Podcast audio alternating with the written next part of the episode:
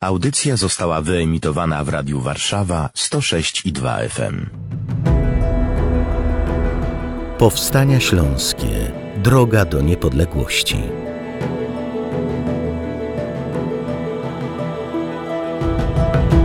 Stulecie Powstań Śląskich. Marcin Bąk, witam Państwa serdecznie. Moim Państwa gościem jest dr Krzysztof Jabłonka.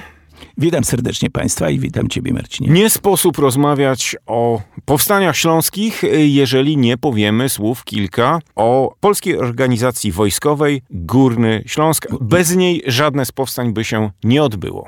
No, pierwsze się odbyło w zasadzie bez, e, ponieważ POW się rozwinęło właśnie w wyniku tego pierwszego zrywu z 19, z 19 sierpnia 1919 roku. Było dość spontaniczne, Mysłowice były jego jakby centrum.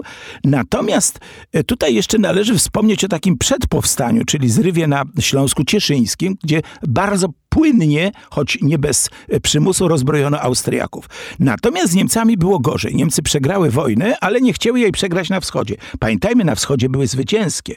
I te wycofujące się oddziały z Oberostu i oczywiście z kongresówki byłej lądowały właśnie na Śląsku.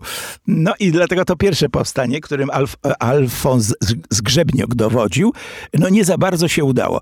E, właściwie się w ogóle nie udało. Musieli wszyscy uciekać O nim będziemy oddzielnie, oddzielnie rozmawiać niektórzy twierdzą, że miała być to po prostu demonstracja I zbrojna tak. i była. E, ona, trzeba było uciekać po prostu. Charakter bo... był stosunkowo, zasięg nie był aż tak wielki. Natomiast jak to się stało, że POW, którą kojarzymy przede wszystkim właśnie z kongresówką przez ciebie wymienioną, z czasem -hmm. jeszcze sprzed 18 roku, yy, zaczęła funkcjonować na Śląsku. Jakie są relacje między POW Górny Śląsk, a tą POW z To jest całkiem inne POW. To, a no właśnie. to nie jest to samo, ale oczywiście... Przypadkowa zbieżność nazwisk. No Naz... nie taka znowu przypadkowa, mm -hmm. celowa. Czyli coś miało. E, no, oczywiście przywódcy jak najbardziej, ale przywódcy dojechali, jakby uporządkowali ten e, cały nurt e, powstańczy. Okazało się, że jest to jednak kraina, która pójdzie śladem zaboru pruskiego. Pamiętajmy, Śląsk nie był zaborem pruskim, co mało ludzi kojarzy dzisiaj, ponieważ nie był rzeczą pospolitą. Ale nigdy. chciał do Polski. No oczywiście, że chciał, bo to już są inne warunki. Tutaj e, język decyduje i poczucie przynależności nie terytorialne, a narodowe, e, kulturalne. W związku z tym no, Śląsk e, odkrył swoją polskość. No nie, właśnie w połowie.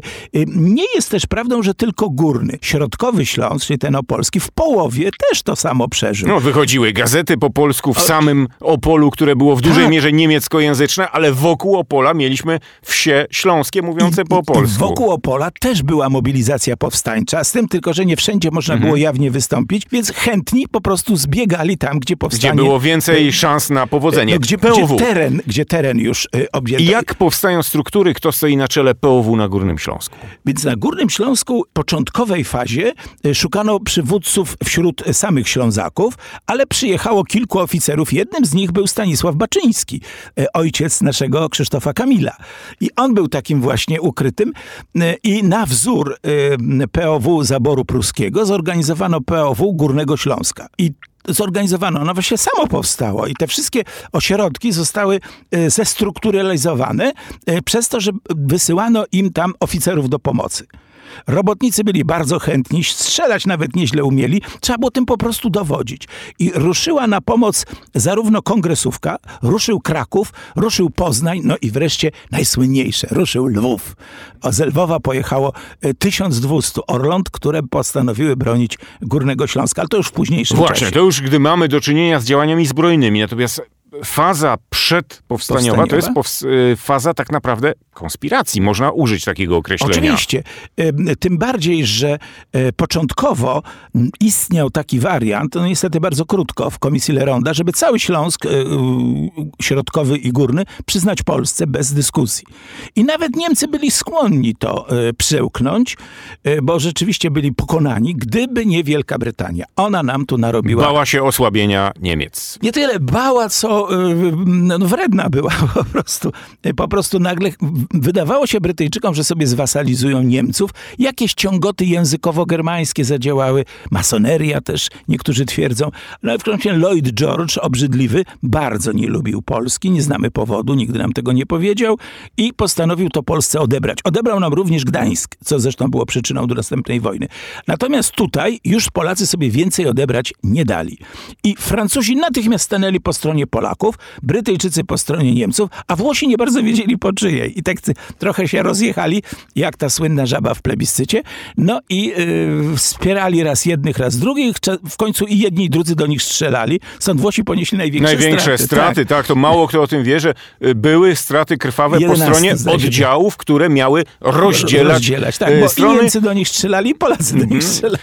Taka, taka rola jest tego, który próbuje wsadzić palec między drzwi.